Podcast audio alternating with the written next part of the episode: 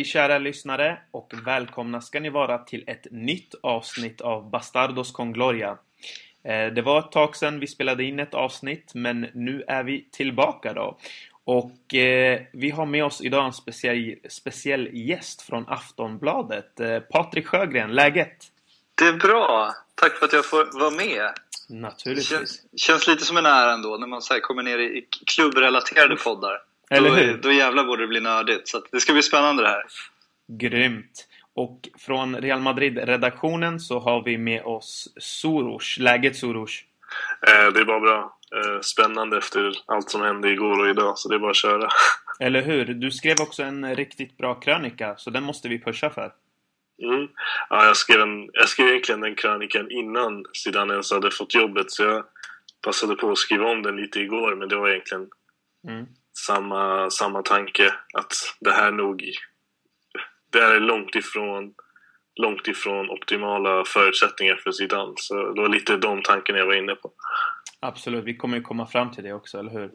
Senare här i podcasten. Eh, och eh, grabbar, ni är väl redo? Vi går rakt in på sak tycker jag va?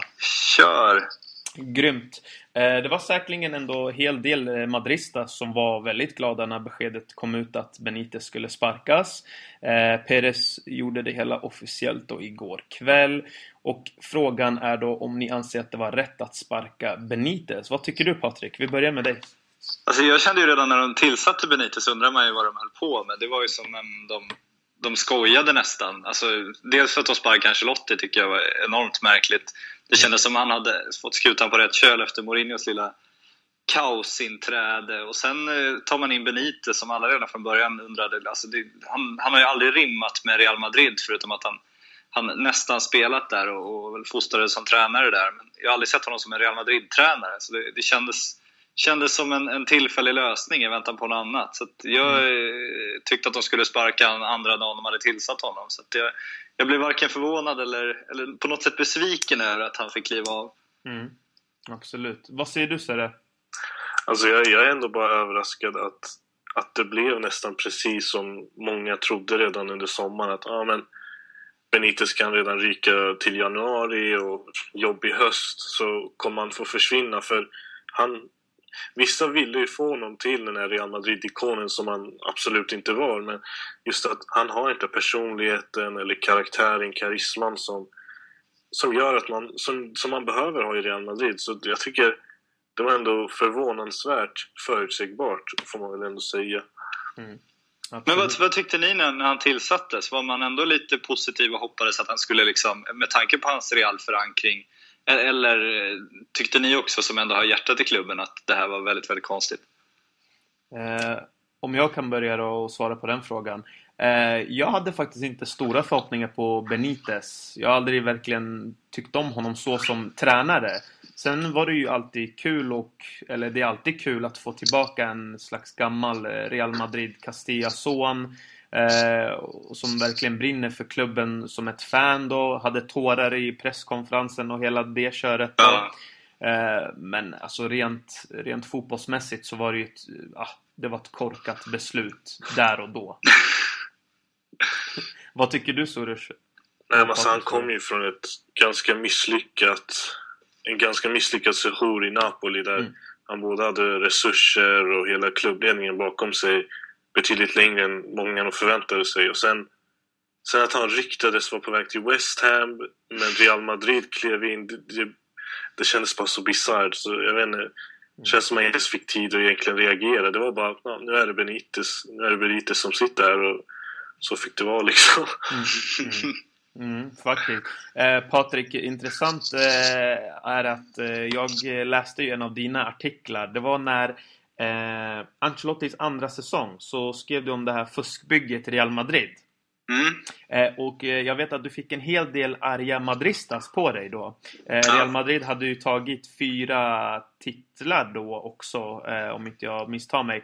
Men sen hade man ju eh, sålt Di Maria, gjort av sig med Alonso, tagit in James och vem var det mer man tog in? Kroos, Tony Kroos. Ja. Eh, hur, hur, hur kunde du se det där så pass tidigt att det kändes som ett fuskbygge? Uh, nu är det lätt att försöka slå på sin egen trumma med facit i hand. Jag vet inte mm. om, jag, om jag såg exakt det här komma, men jag, det kändes som det var ett, ett ogenuint bygge mm. från början. Det, det är väl lite Peres signum också, att han med tanke på förra, den här riktiga Galactico-stormen, han mer eller mindre liksom förstörde ett, ett välfungerande lag genom att ta in stjärna efter stjärna. Till, när han, spelar liksom, han tar in Beckham och ska spela honom till höger och får flytta på, på Figo. Han liksom, har ingen som helst tanke på hur han ska sätta ihop sitt lag. Mm. Och jag tycker också att han ända sedan Mourinho har liksom kört över tränare efter tränare. Det kändes aldrig som Ancelotti hade, hade den förankringen och välja, välja nyförvärv till sitt lag. Det kändes aldrig som Benitez ens hade chans att ja, välja någonting i det där laget. Mm. Och, eh, därför kändes det hela tiden som ett fuskbygge. Det har aldrig känts som de genuint tassat ner liksom bopålarna på ett sätt som, som Barcelona gjorde när de gav Pep Guardiola mandatet och som man ju hoppas att Real ska göra nu när de tagit in en klubbikon som man hoppas eh, äntligen liksom kan sätta sig upp mot Peres på ett sätt, även ha Peres respekt och, och, och bygga ett fotbollslag och inte bara bygga bygga ett företag, som ju Perez gjort väldigt, väldigt bra. Man ska ha enorm respekt för det sättet han förvaltat Real Madrids varumärke på. Det är, det är att svära lite i fotbollskyrka och prata varumärke, men tyvärr i dagens fotboll så är det väldigt, väldigt viktigt just att, att ha väldigt stora inkomster, bland annat eftersom du numera inte kan ekonomiskt dopa dig på samma sätt om Uefa nu till sist lyckas få igenom sina FFP-regler. Mm. Så det tycker jag han har gjort bra. Så han har ju byggt en enormt stabil grund som de sen kan bygga ett fotbollslag på. Och då hoppas jag att han till slut inser att det är inte hans jobb att bygga fotbollslaget. Han kan bygga klubben, men de måste ha någon som bygger ett lag. Och det har de inte haft. Mourinho kände som han fick, fick chansen, men han eh, lyckades just störta det skeppet på egen hand. Och nu hoppas jag att en, en till äntligen får chansen att göra det på allvar. Absolut. Eh, jag instämmer i det du säger. Eh, Perez har ju varit väldigt bra på att bygga ett företag och visst är det viktigt men samtidigt så har ju det sportsliga lidit väldigt mycket ju. Mm. Eh, jag menar så många miljarder man har spenderat. Det är ju inte okej okay att bara, vad är det, det är en Champions League-titel på, ja, på flera, flera år då. Mm. En ligatitel togs senast nu, vad blir det, åtta år sedan va? Om Barca vinner i år. Kanske blir nio till och med. Eh, så du har helt rätt där. Men eh, om vi ska bedöma då eh, Benites tid i klubben så är det är det ett stort misslyckande då? Alltså han hade ju bara tre förluster och en hel del vinster också och pangat in en hel del mål och släppt in ganska få, eller? Alltså ser man till tabellen och vart man är i Champions League så är det ju klart att Real Madrid fortfarande är med i den här säsongen. Man, man ser på Barca hur de, hur de tappar rätt många poäng ändå. Så Real Madrid är med i det här. Men om man har hängt med lite från helg till helg och sett hur spelet har sett ut, speciellt under de här stora matcherna, så tycker jag ändå ganska det är förståeligt för prestationerna har varit väldigt dåliga och vi ser de här bilderna har ju snurrat på Twitter och liknande jättelänge, eller ett tag nu med de här med Real Madrids mittfält som bara inte finns och det är en backlinje och fem pers där framme så det är klart, de strukturella problemen har ju snurrat där och även om det kanske inte alltid syns, syns i resultatet så har det funnits där. Och följer man fotboll tillräckligt länge vet man att visst, man kanske klarar sig under hösten på sånt. Mm. Men när det väl börjar dra ihop sig under våren så, så, börjar, man, så börjar man se de här problemen. Och, och det tror jag man förr eller senare hade sett med Real Madrid. Så, så på, på visst sätt så är det ju ganska smart att kunna kliva in här i januari och byta ut en tränare i hopp om att kanske rädda säsongen som sagt. Mm. Men är vi alla tre eniga Patrik? Är du enig? Eh, tiden, hans korta eh, session här i klubben, den var misslyckad, eller? Ja, jag tycker den var misslyckad för klubben, absolut. Och jag tycker också att den är misslyckad för Benitez. Sen kan man ju diskutera vilken chans han egentligen fått.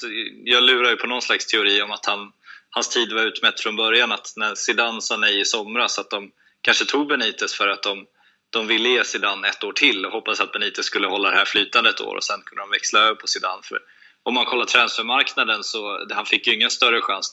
De Gea-affären föll, i övrigt var det liksom Kovacic och, eh, och Danilo och de spenderade, om jag räknar rätt, 13 miljoner euro mer än Barca gjorde i somras och då hade Barca ändå transferstopp. Så jag vet inte vilken, vilken chans han fick liksom och, och, och, verkligen göra ett, ett rejält försök att ta en titel i år. Det, det kan man också liksom fundera på. Mm, absolut. Ja, men eh, Ancelotti vann ju eh, Champions League-titeln och vann en hel del andra titlar och man tänkte väl att någonstans att Benitez hade redan fått ett färdigt lag och skulle bara mm. fortsätta på det här spåret då. Men vi alla vet ju att fotbolls, bra fotbollslag, de tar tid alltså. Det är ju ingen slump att Barca är där de är egentligen. De har ju, de har ju kämpat för att ligga där de är och kommit fram till den här filosofin. Den har ju funnits ett tag och man har ju filat på den en hel del då. Ja, och sen har de ju vågat förändra också när det gått bra. De har liksom... Mm.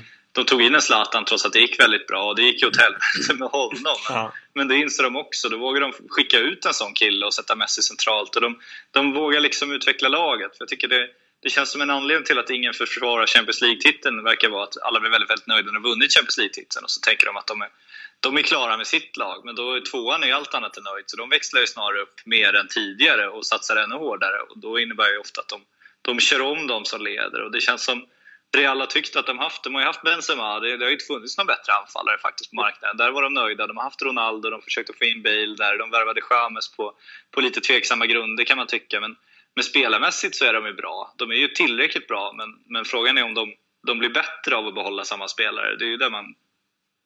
Mm, absolut. Ja, men det är helt Blivit rätt. det i alla fall. Mm. Eh, Zidane tar över då. Eh, vad kan vi säga om eh, det, Sörre? Eh, vad kan han utföra? Hur kommer det gå för honom?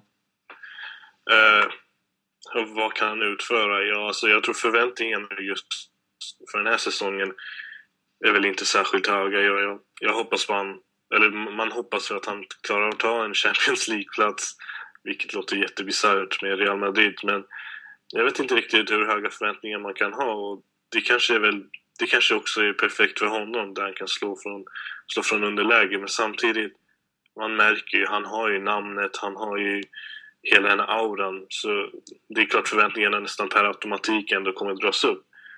Men som vi, vi har jämfört lite med Barca nu, jag tror där Barca med Guardiola och Villanova och, och liknande hade den här infrastrukturen i klubben för att slussa fram de här eh, tränarna och sen också talangerna så har ju Real Madrid, Real Madrid inte det. Zidane, Zidane var ju tänkt att vara Castillas lite, inte bara ledare, men också en figur som kunde styra upp det där på längre sikt. Han inte bara skulle lyfta dem en division, men skapa lite kontinuitet, få dem till A-laget och liksom slussa upp underifrån. Nu tar man bort även det och, och det kan man ju spåna över lite mer egentligen, men jag är, jag, bara, jag är bara tveksam till hela det här att man ska lyfta upp sidan så tidigt på, på tränarkarriären. Mm. Absolut. Patrik, vad säger du om sidan att han tar över? Jag håller med helt där. Jag tycker att det, det är ett fantastiskt romantiskt val. Det ska bli enormt spännande. Jag har sällan varit, jag varit så intresserad av att följa Real Madrid som just nu. Mm. Men jag håller med om att just eh, det känns som man alla drömmer ju om att göra den här Guardiola-grejen nu, att du, du fostrar din tränare i B-laget, du tar upp honom det är inte helt lätt. Manchester United har inte lyckats få upp Ryan Giggs än. Nu satsar Real allt på Zidane och hoppas att det ska funka. Och det, det är också lite charmigt att Barca tar den här ja, men, mittfältsmotorn, den här lite mer defensiva killen. Den, den är inte den största stjärnan kanske, utan snarare lagets ledare och, och gör honom till tränare. Real svarar med att ta liksom, ja, men, sin tids största fotbollsstjärna, tveklöst. Jag håller Zidane som historiens bästa mittfältare och, och gör honom till tränare. Det tycker jag är väldigt charmigt att de ändå följer, följer sin image på så sätt.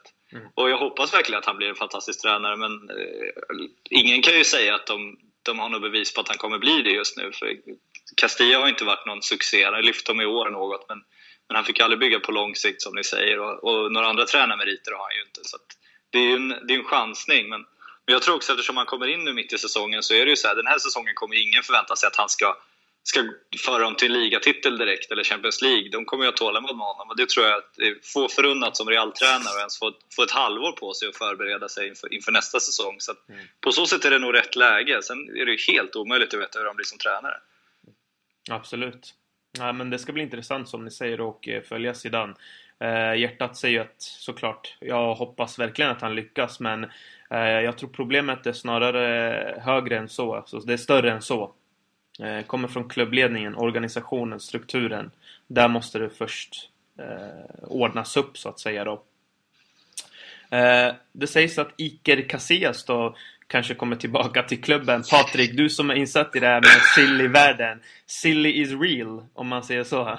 Ja, eller hur? Ja, det, jag älskar sånt här. Det är så absurt så att det finns inte. Det tar liksom, Zidane var ju inte ens utnämnd till ny tränare innan eh, Kadir Nasser presenterade de här sensationella uppgifterna och hur, hur de skulle inte luska ut dem på de fyra minuter som gick mellan att Marca var det väl som avslöjade att Benitez skulle få sparken och eh, det tog dem att pumpa ut den här nyheten. Men undrar hur det gick till. Mm. Det känns som de eh, ljuger så det skriker om det. det är så? Du tror inte på Iker Casillas återkomst? Nej, alltså det är ju kaos borta i Porto nu. Det är ju enormt tryck på han och, och tränaren, så tappa namnet på också. Också en gammal, en gammal Barcelona-spelare. Mm.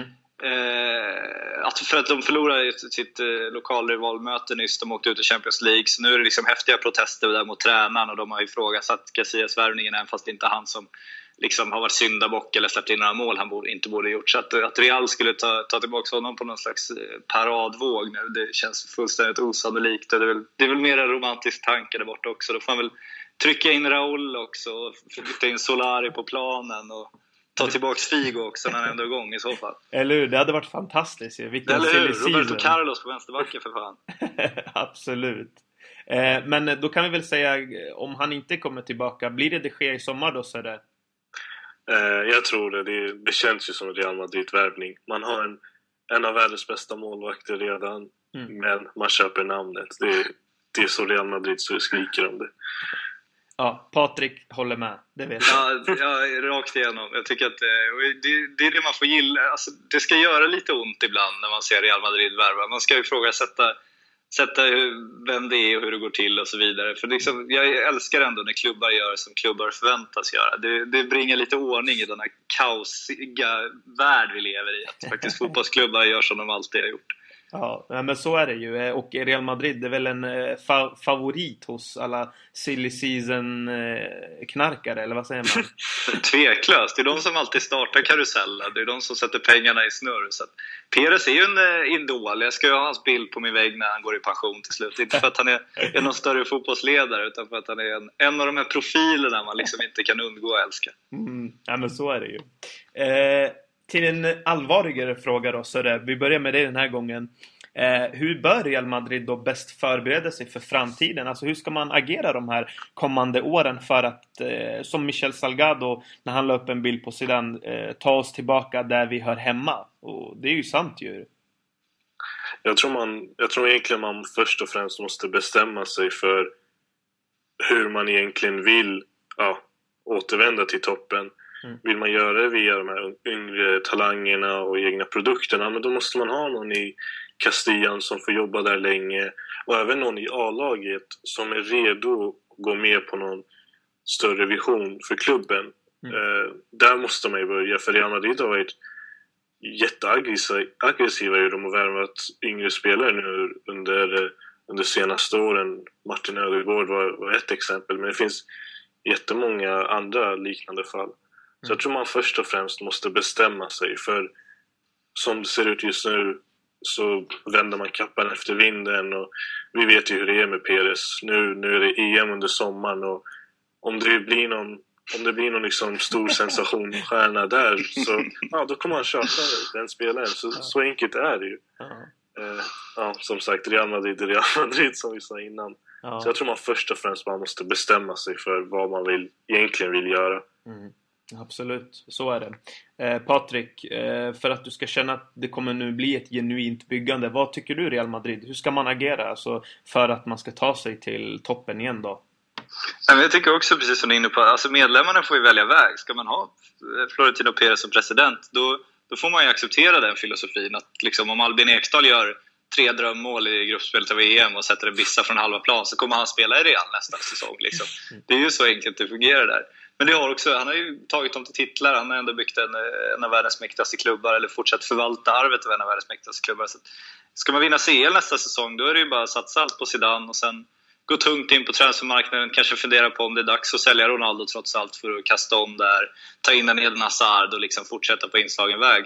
Vill man däremot eh, få en, en, som vissa anser, mer genuin fotbollsklubb, vill man ta upp egna talanger, då kan man inte ha dagens sportsliga ledning som tar in en Martin Ödegård ger honom löften om att han ska få träna med A-laget och sen spela matcher med reservlaget så att det blir totalt kaos och ingen förstår systemet överhuvudtaget. Då får man ju börja förändra på toppen. Så jag tycker någonstans att ett, ett presidentval, man får ju välja inriktning där. Vill medlemmarna ha Galacticos, då ska Pérez sitta där. Vill medlemmarna inte ha Galacticos och ha en annan typ av fotbollsklubb, då får man byta president. Det är väl därför man har, har den typen av valen då fortfarande. Mm. Medlemmarna, de är nästan eh, Fifa-kungarna. Det är nästan Fifa-varning på dem. ja, så är det. Ja, det, det, går ju, det går ju att ifrågasätta demokratin i alla, alla de här klubbarna som mm. utger sig för att vara demokratiska. Och, eh, det går att ifrågasätta de där valen när man går ut och Eh, Precis. lovar högt och lågt också. Mm. Det är ju Barca, Bayern och Real. Det är de som typ i princip nu styr silly season och alla de här toppspelarna ju. Eh, tackar ju inte nej till de här tre lagen. Eh. Ja, de är ju maktfaktorerna. Sen, sen finns ju pengarna i England fortfarande, så mm. om, du, om du blir nedpetad från Real, som en eh, Di Maria eller en Özil eller så vidare, då går det ändå att behålla sin lön om man drar till Premier League. Det är ju näringskedjan just nu. Mm. Absolut. På tal om silly season då. Eh, så det, vem tycker du bör värvas in nu här under januari och vem skulle det kunna vara? Känner du? Jag, jag tycker egentligen inte att man behöver värva in någon. Truppen som det ser ut just nu. Jag vet inte om du håller med, men det är nog den bästa bredden jag har sett på väldigt länge. Eh, så jag, jag, jag, jag, vet inte, jag tycker inte man behöver värva in någon. Eh, speciellt nu med en ny tränare så kanske inte det smartaste är att slänga in en ny, ny figur i omklädningsrummet. Så satsa vidare på det man har nu skulle jag säga egentligen.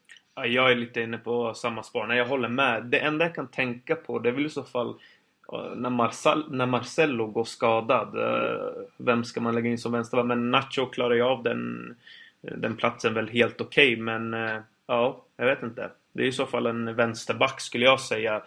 Eh, och jag har länge velat haft en, en, någon som kan utmana Benzema men som du säger, det är nog bäst att hålla det så här.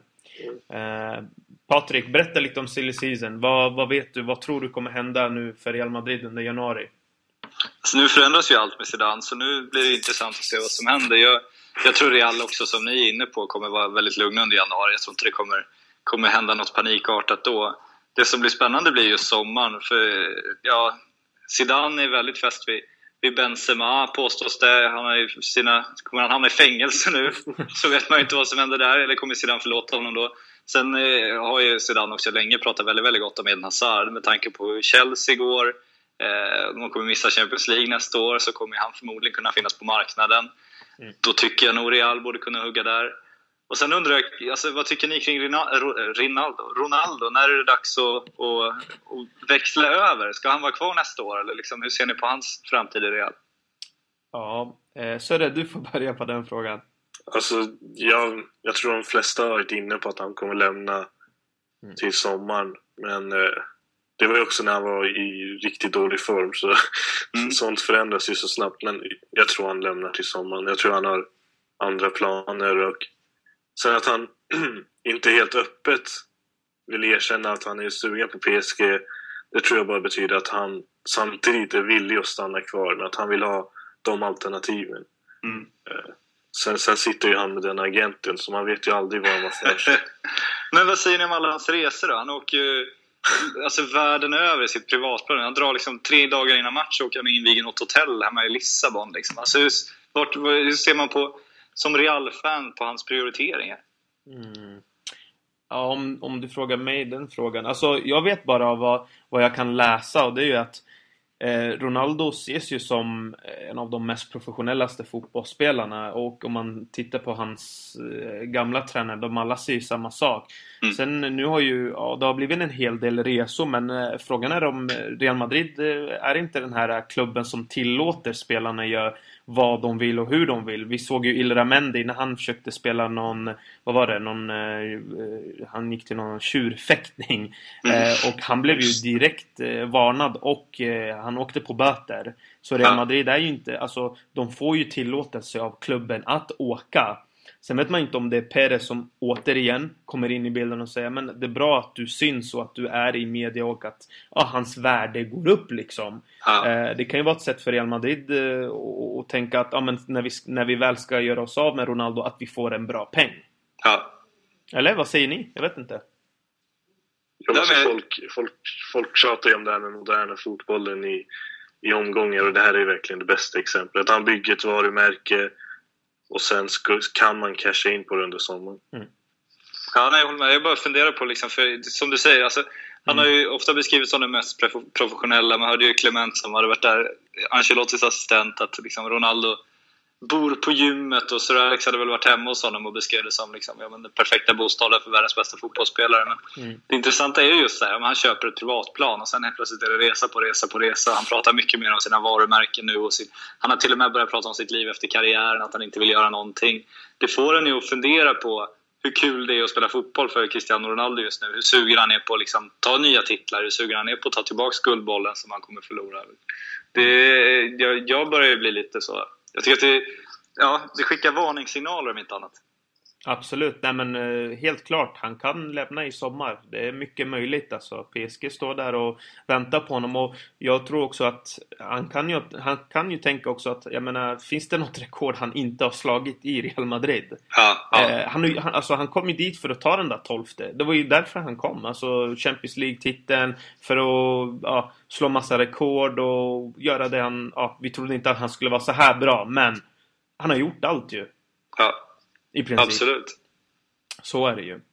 Eh, men vi får se. Det ska bli intressant att se om han eh, drar under sommaren. Det kommer bli en hel del rykten. Det, det ja, kan jag lova. kul att se vem, vem, som tar över. Om Bale till slut kommer få blomma ut eller om de, de tar in någon ny ledare. Liksom. Ja, är djupt fascinerande.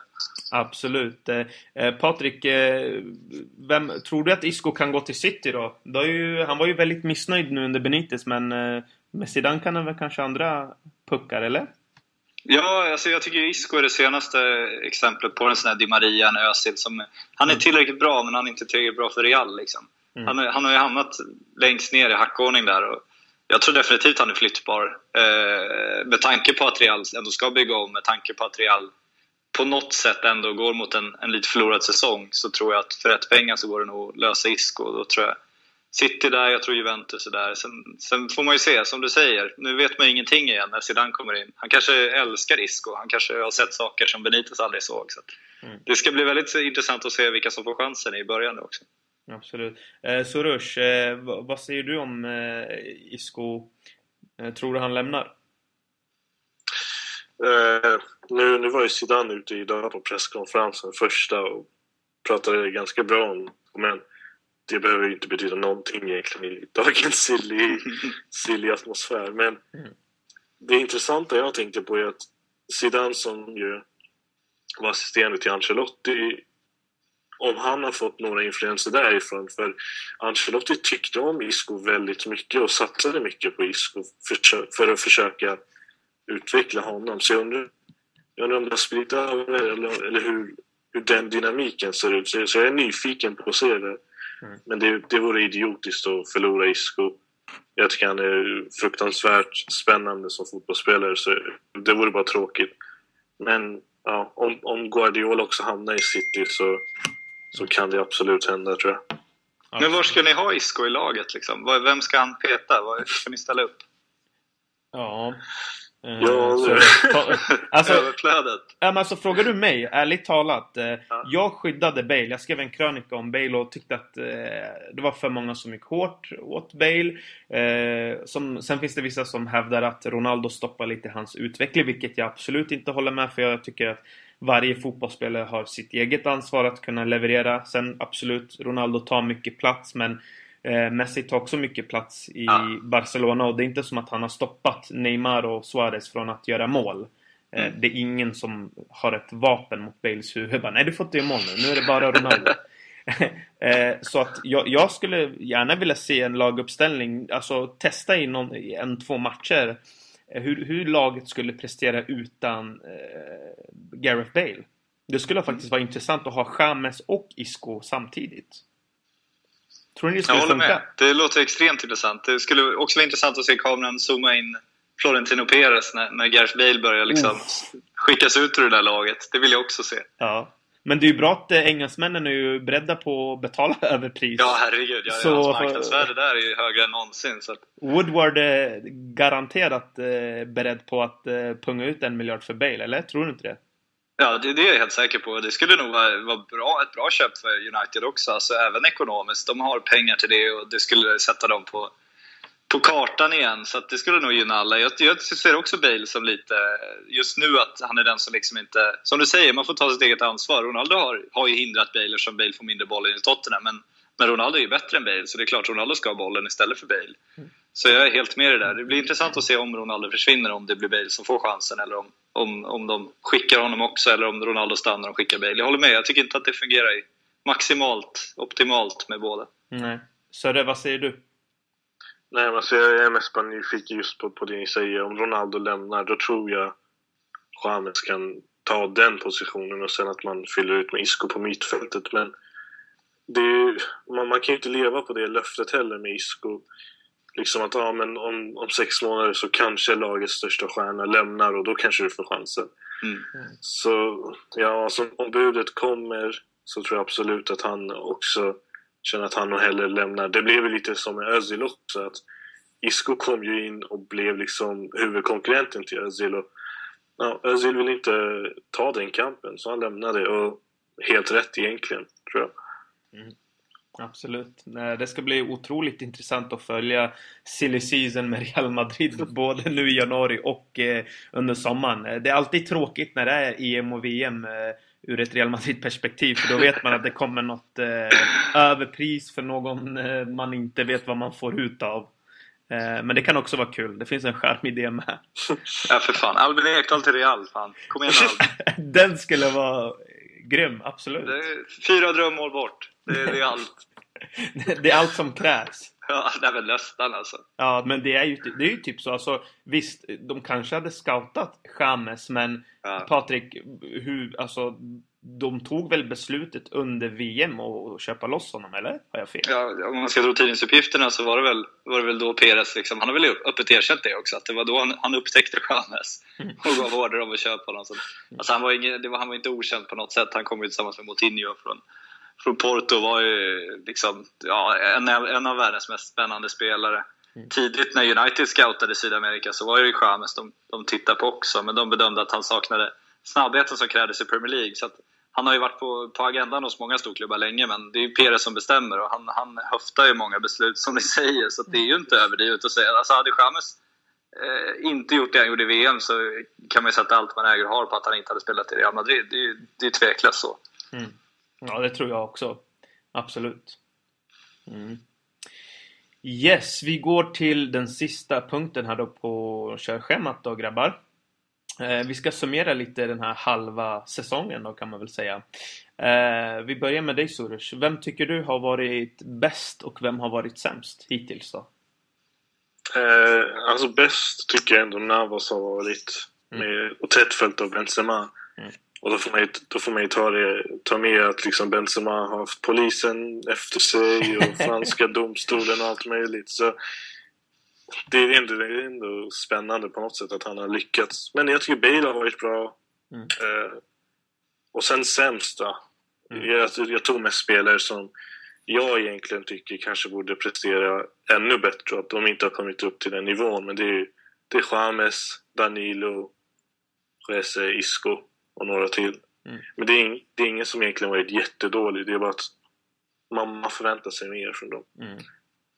Ja, eh, om jag, om jag får köra den här frågan. Kör! Eh, vem har varit bäst? Eh, jag tycker också att Kaeli Navas och Benzema har varit riktigt bra. Men Kaeli Navas, alltså det som chockerar mig det är att alltså, han var på väg till United. Det är ingen snack om saken. Det var ett faxproblem. Eh, man tänker nästan att Perez ska ha en faxmaskin av guld, men... Eh, men kanske det som är problemet. Det är kanske det som... Det är sommarens största nyförvärv. Eh, ja. Och ja, det var bara löjligt att man missade det där. Men ja, så att han ändå har den, eh, alltså att han är så professionell och bevisar sig på det här sättet. Alltså han, han spin that around. Jag menar, vissa skulle bara, okej, okay, ni vill inte ha kvar mig? Ja, då Ingen fara, jag gör så gott jag kan men inte mer. Men han vände ju på det hela och nu vill... Jag tror inte det är många som vill ha det ske i sommar men vi får väl räkna med att han kommer ändå. precis så. Eh, precis så. Eh, så ja, det är väl eh, Kaler som jag skulle highlighta och Benzema Jag tycker att han varit riktigt bra under Benitez och den här säsongen då. Eh, den som har varit sämst, eh, det är helt klart Danilo.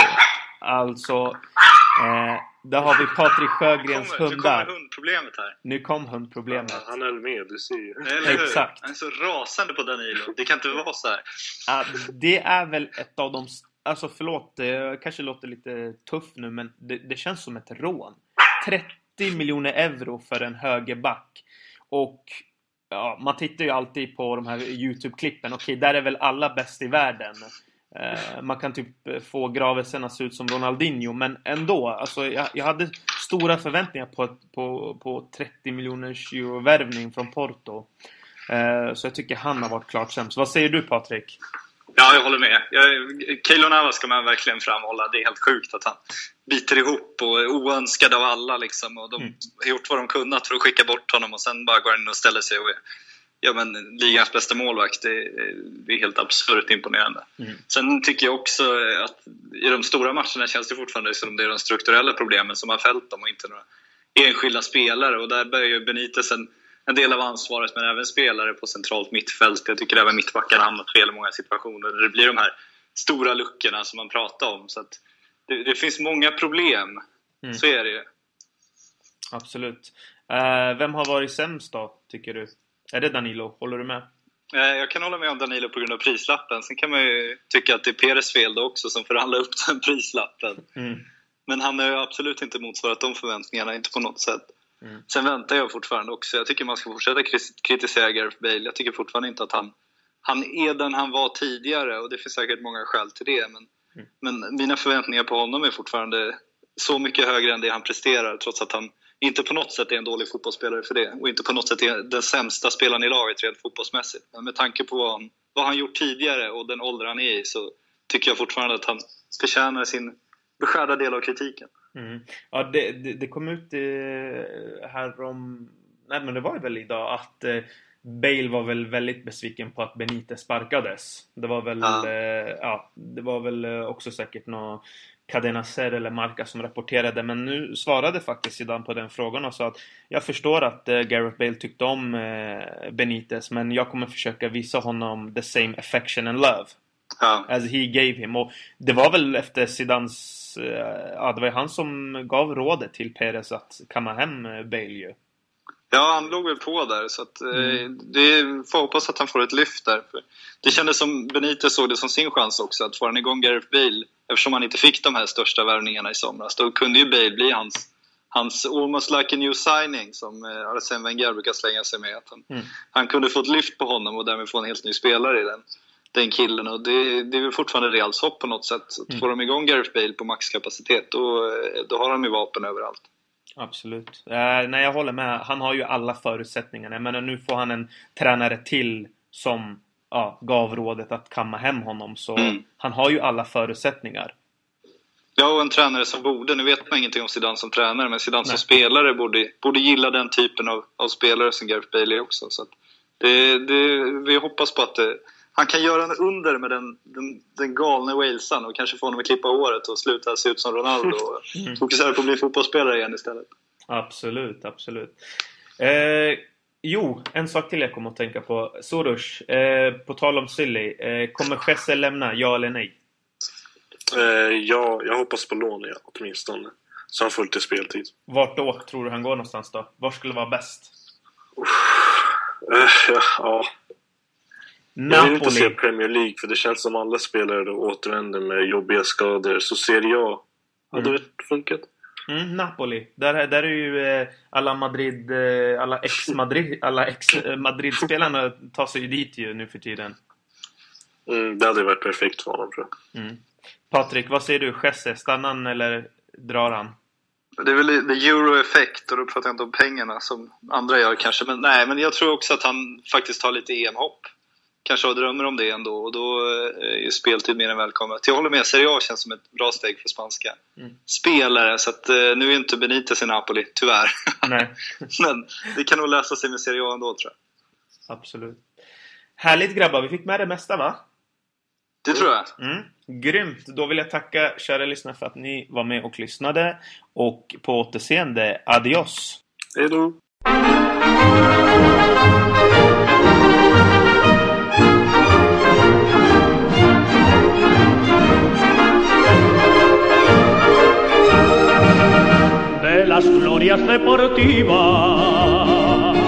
Que campean por España.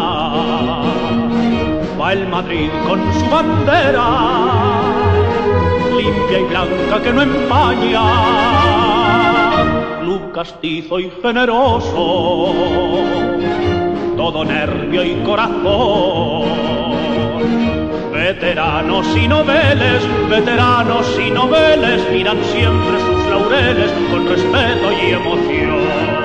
A la Madrid, a la Madrid, noble y bélico Adalid, caballero del honor. A la Madrid, a la Madrid, triunfar en buena lid, defendiendo tu color. A la Madrid, a la Madrid, a la Madrid.